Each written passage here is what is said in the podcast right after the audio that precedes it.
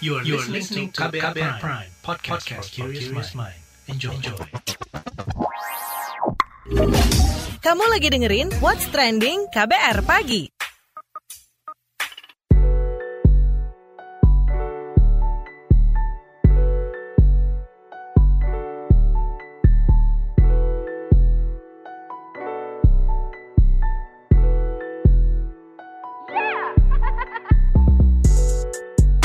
KBR Pagi, siaran pagi radio paling update. Selamat pagi, apa kabar Anda hari ini di hari Senin 3 Mei 2021?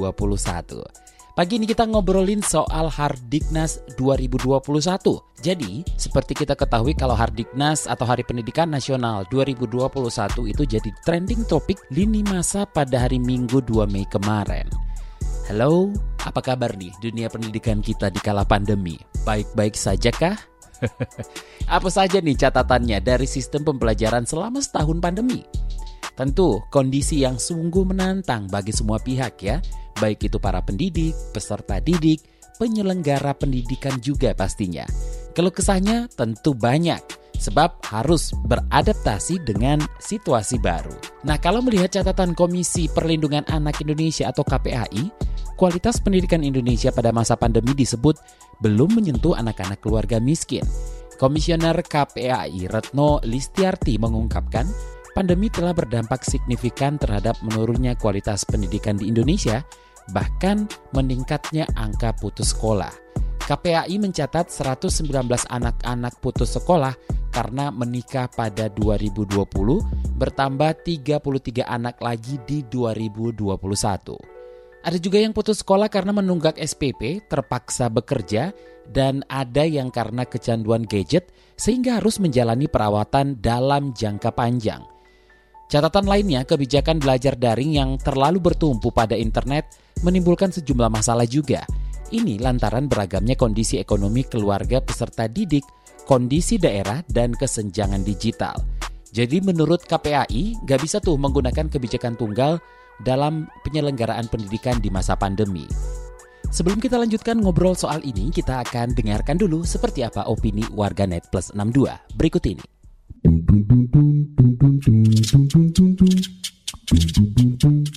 Pertama akun Edval Supilami, Hari Pendidikan Nasional, hari di mana kita harus evaluasi diri sebagai pelajar dan pengajar. Apakah kita memang sudah mencapai tujuan awal pembelajaran atau hanya memenuhi kewajiban? Apakah kita sudah memaksimalkan kepemilikan atau sekedar bisa gitu aja? Lanjut ke akun @ayatullah03. Selama pendidikan jadi barang komersil, selama itu pula seluruh ucapan Ki Hajar Dewan Nusantara hanya jadi museum kutipan dari waktu ke waktu, yakni dirayakan dibaca sebentar dan dicuekin sehabis itu. Demikian setiap tahun berulang-ulang. Untuk apa? Lanjut ke akun at Alfredo French 24 Masih aja seperti itu. Tentang peringatan dan harapan yang tak berujung Meski nyatanya seakan mustahil. Merdeka hanya kata Namun pembodohan karena kesenjangan pendidikan Bukanlah hal yang sulit ditemukan di negeri yang katanya Kayu dan jala cukup menghidupi. Akun at Farid Gaban Digital Divide. Kesenjangan akses internet Indonesia masih parah. Pemerataan akses penting mengingat peran sebagai sumber pengetahuan yang kini lebih powerful dari sekolah atau universitas. Meski begitu, ini harus diimbangi dengan pendidikan digital literasi dan digital culture yang sehat. Yang terakhir, akun at guru kreatif. Penerapan kurikulum akan berhasil jika pemimpin sekolah proaktif dalam meninjau kembali sistem di sekolahnya, supaya adaptif terhadap perubahan. Itu dia tadi opini warganet plus 62 soal Hari Pendidikan Nasional 2021. Pendidikan di masa pandemi belum sentuh anak-anak keluarga miskin. Nah soal ini kita mau ngobrol bareng Wakil Sekjen Federasi Serikat Guru Indonesia atau FSGI Fahriza Marta Tanjung. Nah KPAI menyebut kebijakan pendidikan di tengah pandemi saat ini belum menyentuh anak-anak dari keluarga miskin. Bagaimana kalau menurut pantauan FSGI sendiri?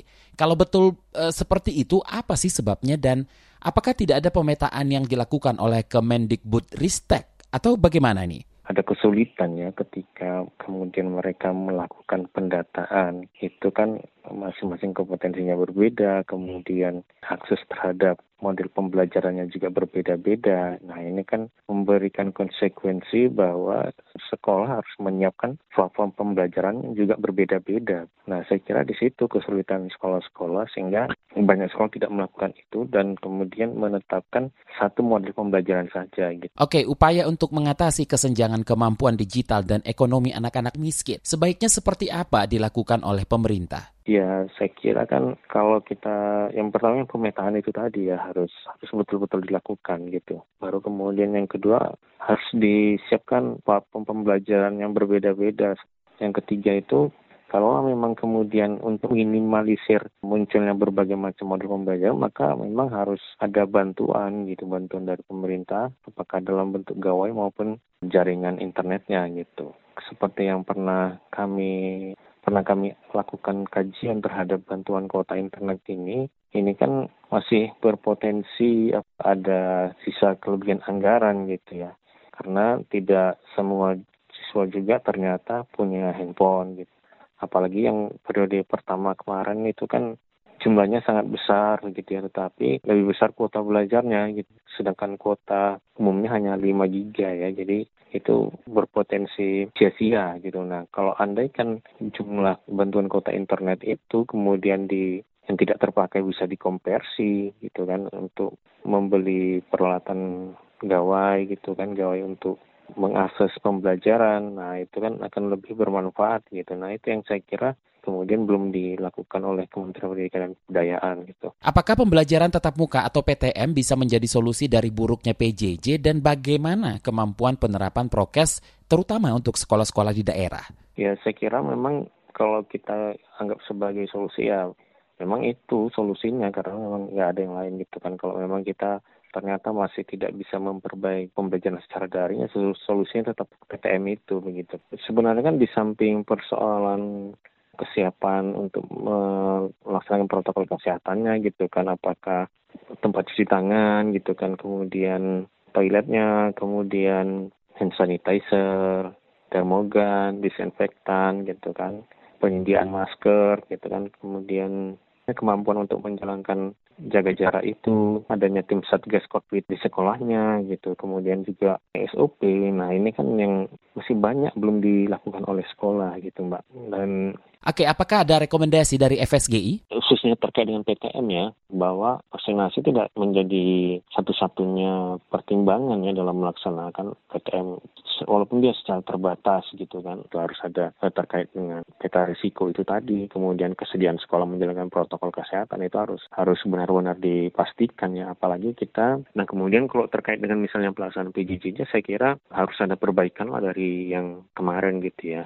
Sebenarnya kan kita sudah pernah mendengar misalnya swadaya yang dilakukan masyarakat untuk memperbaiki pelaksanaan PJJ misalnya kita pernah mendengar misalnya satu RW gitu kan atau satu RT melakukan pemungutan uang gitu kan kemudian uang yang dikumpulkan ini digunakan untuk menyediakan jaringan internet kemudian untuk itu kan model-model swadaya masyarakat yang seharusnya bisa juga digunakan sebagai model untuk memperbaiki pelaksanaan PJJ ini. Nah, tapi kita melihat bahwa pemerintah tidak melakukan itu gitu. Terima kasih Wakil Sekjen Federasi Serikat Guru Indonesia atau FSGI Fahriza Marta Tanjung. What's trending KBR pagi? Newsbeat. Perserikatan Bangsa-Bangsa menyebut setengah dari masyarakat Myanmar saat ini terjebak dalam kemiskinan lantaran krisis yang terjadi akibat kudeta. PBB mengatakan negara itu terancam masuk jurang kemiskinan pada 2022 dengan 25 juta orang akan hidup dalam kemiskinan. Hal itu terjadi jika keadaan keamanan ekonomi di Myanmar tak kunjung stabil. Kudeta di tengah pandemi ini dianggap mengganggu rantai pasokan, menghambat pergerakan orang, barang, dan jasa, sistem perbankan terganggu, pengiriman uang tak dapat terjangkau, mengganggu keamanan sosial hingga kehidupan rumah tangga. Krisis politik yang berlarut-larut di Myanmar juga berdampak pada peningkatan biaya makanan, banyaknya masyarakat kehilangan pendapatan dan upah secara signifikan. Pemerintah Australia mengancam menjatuhkan denda hingga memenjarakan pendatang dari India yang nekat memasuki wilayahnya. Pemerintah melarang masuk penduduk dan warga negara mereka yang telah ada di India selama 14 hari terakhir. Keputusan darurat ini diambil untuk menghentikan laju pendatang yang berasal dari India dan mencegah terjadinya lonjakan kasus COVID-19 di Australia. Sementara itu di India sendiri Forum Ilmuwan India Konsorsium Genetika SARS-CoV-2 menemukan mutasi COVID-19 yang bisa menghindari respon imun. Penemuan ini masih dikaji lebih lanjut.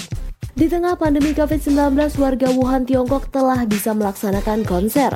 Ribuan orang pun menghadiri hari pertama pelaksanaan konser Wuhan Strawberry Music Festival. Konser ini dilaksanakan pada masa libur nasional, di mana ribuan penonton dapat melompat-lompat dan menikmati musik yang disajikan. Selain itu, mayoritas penonton konser tidak menggunakan masker. Melansir Reuters, sekitar 11.000 orang menghadiri konser. Tak hanya di Wuhan, beberapa daerah seperti Beijing pun melaksanakan festival serupa. What's Trending KBR Pagi Balik lagi di What's Trending KBR Pagi, kita masih ngobrolin soal Hardiknas 2021 pendidikan di masa pandemi belum sentuh anak-anak keluarga miskin. Dan kita masih membahas bagaimana merespon situasi pendidikan Indonesia pada masa pandemi yang disebut belum menyentuh anak-anak dari keluarga miskin. Jika situasi ini terus berlangsung, dampaknya tentu akan signifikan terhadap menurunnya kualitas pendidikan di Indonesia dan semakin meningkatkan angka anak putus sekolah. Nah, kita akan ngobrol dengan psikolog sekaligus pendidik Alisa Kotrunada Munawaroh Wahid atau Alisa Wahid. Mbak Alisa, dalam pengamatan Anda seperti apa realitas pendidikan Indonesia di tengah pandemi sejauh ini? Itu jelas tantangannya besar sekali ya dari segala arah begitu. Karena kita betul-betul mengalami great reset dalam hal sistem pendidikan ya. Great reset itu berarti kita memang mempertanyakan semua asumsi-asumsi pendidikan selama ini dan realita-realita pendidikan selama ini. Sehingga kemudian juga kelihatan jelas sekali bahwa tujuan kemerdekaan yaitu mencerdaskan kehidupan bangsa itu belum bisa rupanya kita wujudkan gitu. Kita masih meningkatkan taraf pendidikan gitu tapi belum sampai betul-betul mencerdaskan begitu sebagian besar orang hanya melihat dari faktor digital saja. Iya, itu persoalan sangat besar. Tapi di balik itu ada persoalan yang jauh lebih besar. Bahkan di daerah-daerah yang di mana akses terhadap teknologi digital ini ada, kesiapan para gurunya pun belum tentu ada. Kemudian ternyata pendekatan kita selama ini yang terlalu fokus pada angka, kemudian pada keterampilan gitu ya. Jadi ilmu-ilmu yang sifatnya ilmu-ilmu keterampilan, pengetahuan, itu ternyata memang terlalu besar dibandingkan dengan area penguatan karakter. Kita ternyata kuat di learning to know gitu. Sehingga ketika kemudian terpaksa pembelajaran itu dilakukan dari rumah, tidak di dalam ruang kelas, maka kemudian kita kesulitan untuk transfernya begitu. Kenapa? Karena ya kita hanya fokus pada pengetahuan saja. Dari sisi apa yang perlu segera dilakukan perbaikan oleh penyelenggara pendidikan di tingkat pusat dan daerah? Kementerian Pendidikan barusan mengeluarkan peta jalan ya pendidikan. Dari situ sebetulnya harapan kita tentu saja ada perbaikan. Tapi perbaikan ini jangan hanya soal metodologi, tapi dia perlu untuk uh, perbaikan pada kerangka konseptual pendidikannya itu sendiri, begitu. Artinya kita mau manusia yang seperti apa sih? Gitu. Konsep merdeka belajar misalnya, merdeka yang seperti apa? Kalau merdeka belajar, tapi konstruksinya masih sangat kuat pada level pengetahuan dan skill, itu mendidik anak-anak untuk tidak berdaulat atas dirinya dan hidupnya.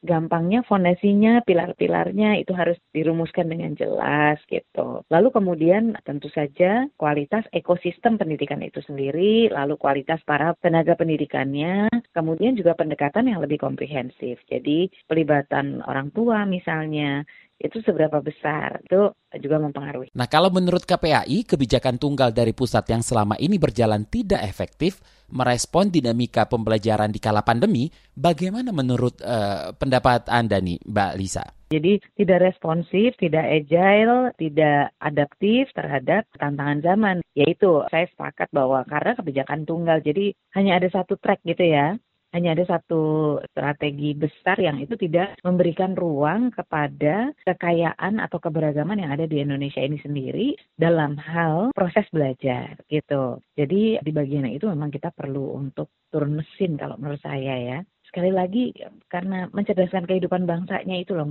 bukan meningkatkan pendidikan bangsa tapi mencerdaskan kehidupan bangsa. Oke, bagaimana dengan kurikulum yang ada? Apakah sudah tepat? Bagi saya sih belum bagi saya masih banyak PR ya gitu karena ya itu masih heavy on knowledge. Sistem pendidikan kita menyatakan bahwa kami melakukan pendidikan karakter gitu. Tapi saya masih melihat itu dilihat sebagai knowledge gitu, bukan itu diajarkan sebagai pengetahuan, bukan ditumbuhkan gitu, bukan di, didudukkan di dalam hatinya dan hidupnya gitu.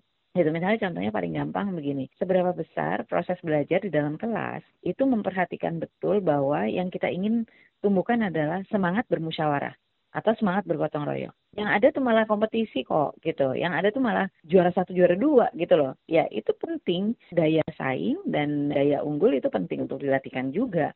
Tapi kalau semua hal diukurnya dari situ, terus bagaimana?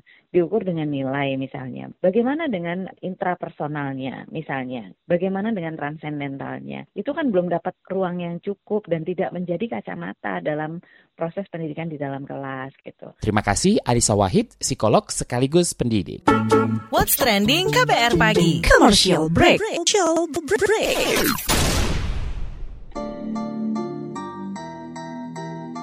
Come on yo. Buat yang sukanya berhoax, you better listen to this one. Check this one out yo. Hati-hati kalau baca kabar. Hoax, Jangan langsung disebar kabar yang hoax, Kalau mau tahu kabar benar atau hoax, Dengerin cek fakta yang pasti bukan hoax, Dengerinnya setiap Senin yang jelas bukan hoax. Cuma ada di kbrprime.id dan aplikasi podcast lainnya. Hoax, Sudah cukup-cukup hoaxnya? Hoax. Cukup. Jaga emosi, tahan jari, verifikasi sebelum dibagi. Saya Ari Bowo Sasmito, Ketua Komite Pemeriksa Fakta Mafindo. KBR Prime, podcast for curious mind. What's trending KBR pagi?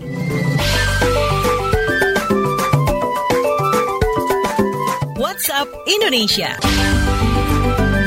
WhatsApp Indonesia dimulai dari Papua. Keputusan pemerintah melabeli kelompok kriminal bersenjata KKB dan kelompok separatis seperti Tentara Nasional Pembebasan Papua Barat sebagai teroris dianggap menghambat upaya dialog damai. Dialog damai didorong para pegiat hak asasi manusia sebagai opsi penyelesaian konflik Papua secara bermartabat.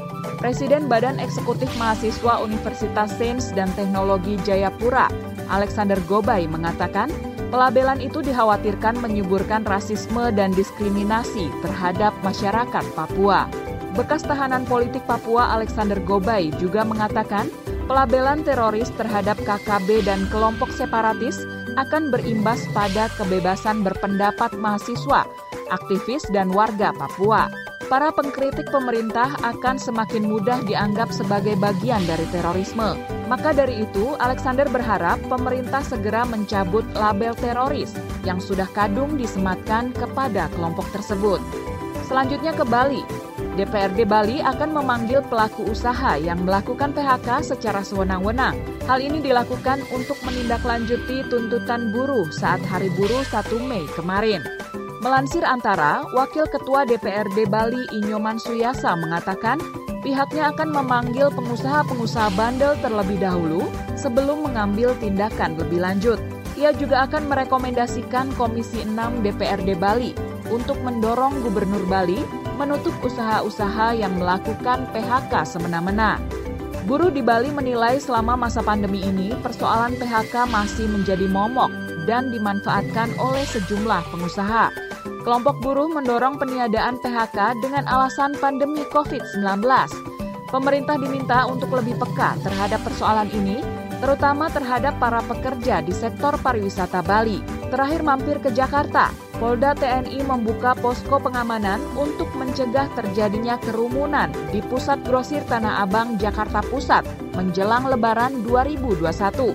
Melansir antara, Kabit Humas Polda Metro Jaya, Yusri Yunus mengatakan, pihaknya akan menindaklanjuti dan mendisiplinkan masyarakat untuk menaati protokol kesehatan di tengah pandemi COVID-19.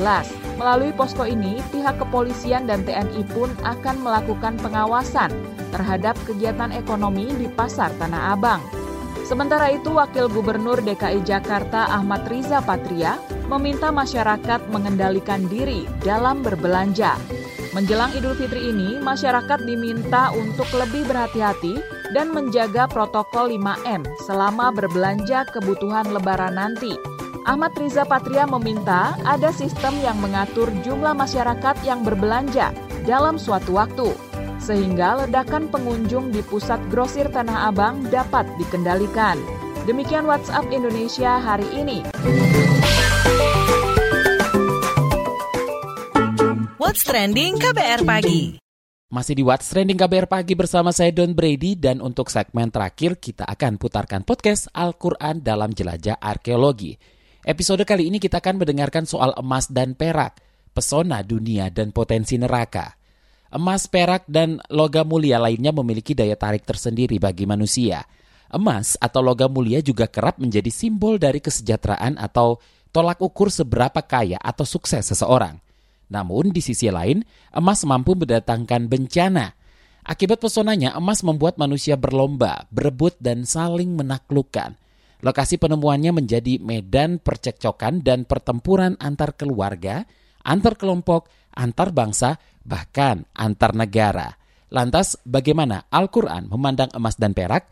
Mari kita dengarkan selengkapnya. Podcast ini disadur dari buku Arkeologi Al-Quran, karya Dr. Ali Akbar, isi podcast sepenuhnya tanggung jawab penulis.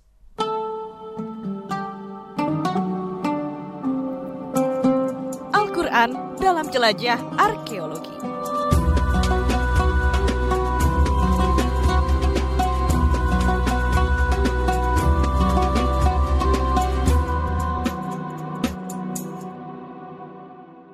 Assalamualaikum warahmatullahi wabarakatuh. Bismillahirrahmanirrahim. Alhamdulillahirrabbilalamin. Wassalatu wassalamu ala rasulillah. Kita berjumpa lagi pada podcast Al-Quran dalam Jelajah Arkeologi. Kali ini dengan episode berjudul Emas dan Perak, Pesona Dunia dan Potensi Neraka. Manusia sejak zaman dahulu telah menemukan dan menggunakan logam mulia, khususnya emas dan perak. Sebagai contoh, saat ekskavasi arkeologi, beberapa kali ditemukan kubur prasejarah yang di dalamnya selain terdapat rangka manusia, juga terdapat topeng emas. Topeng menjadi penanda sosial si mati untuk kehidupan di alam lain saat dibangkitkan. Perhiasan dan peralatan perak juga merupakan benda yang dikuburkan bersama si mati sebagai bekal untuk hidup di alam berikutnya. Sebagai sesama sumber alam yang terbilang langka, maka emas lebih menjadi prioritas ketimbang perak.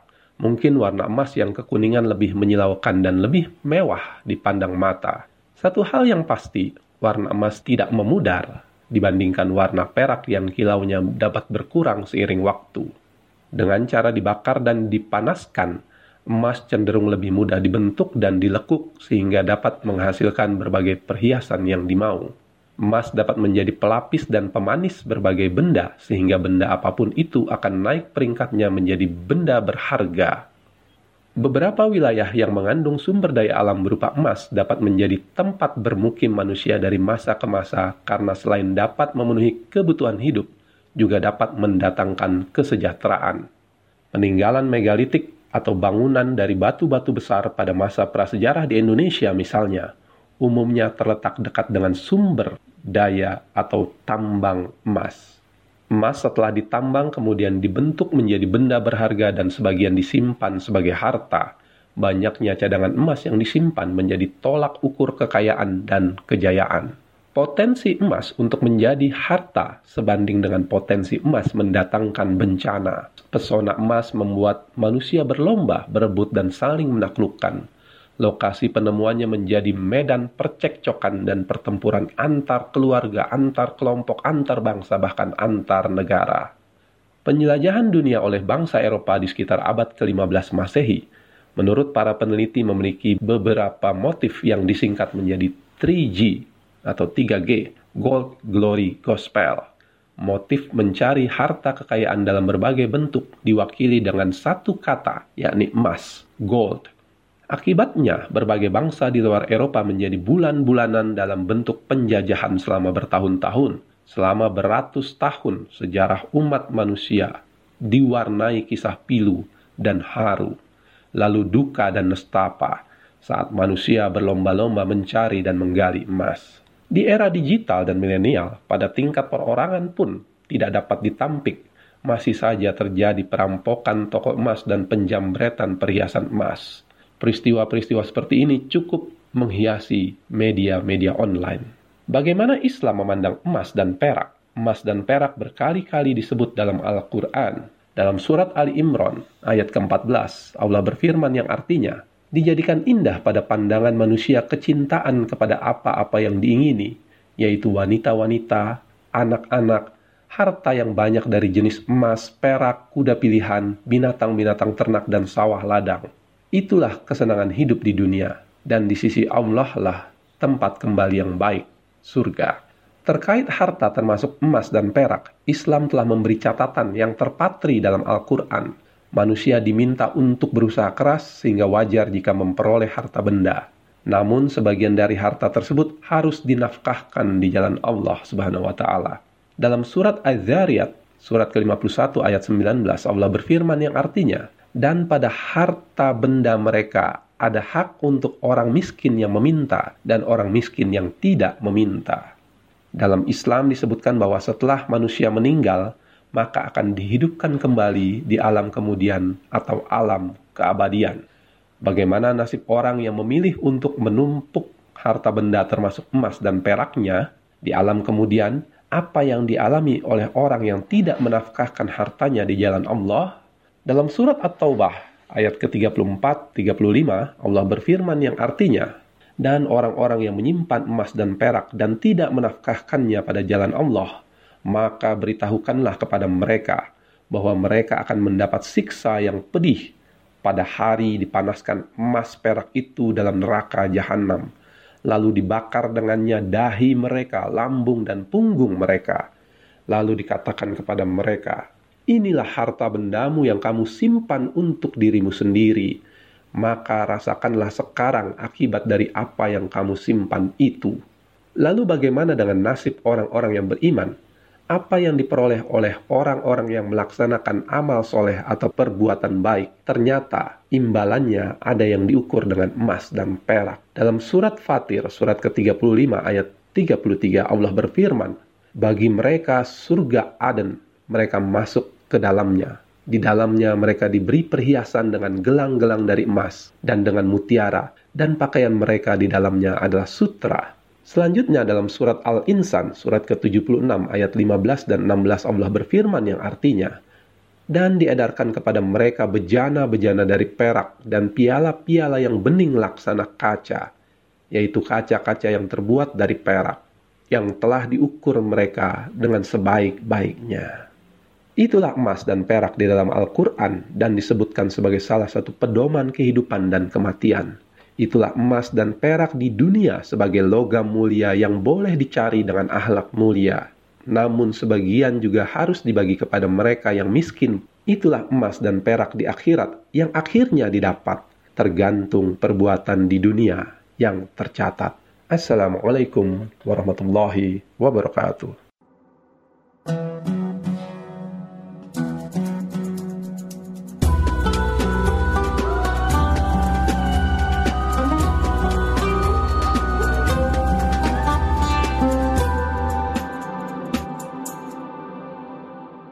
Podcast ini disadur dari buku Arkeologi Al-Quran karya Dr. Ali Akbar. Isi podcast sepenuhnya tanggung jawab penulis. Nantikan episode berikutnya pada hari Jumat di waktu yang sama. What's Trending KBR Pagi Terima kasih ya sudah mendengarkan What's Trending KBR Pagi. Tetap terapkan 5M, mencuci tangan, memakai masker, menjaga jarak, menghindari kerumunan, dan mengurangi mobilitas. Besok kita ketemu lagi, Don Brady undur diri. Stay safe. Terima kasih ya sudah dengerin What's Trending KBR Pagi. KBR Prime, cara asik mendengar berita. KBR Prime, podcast for curious mind.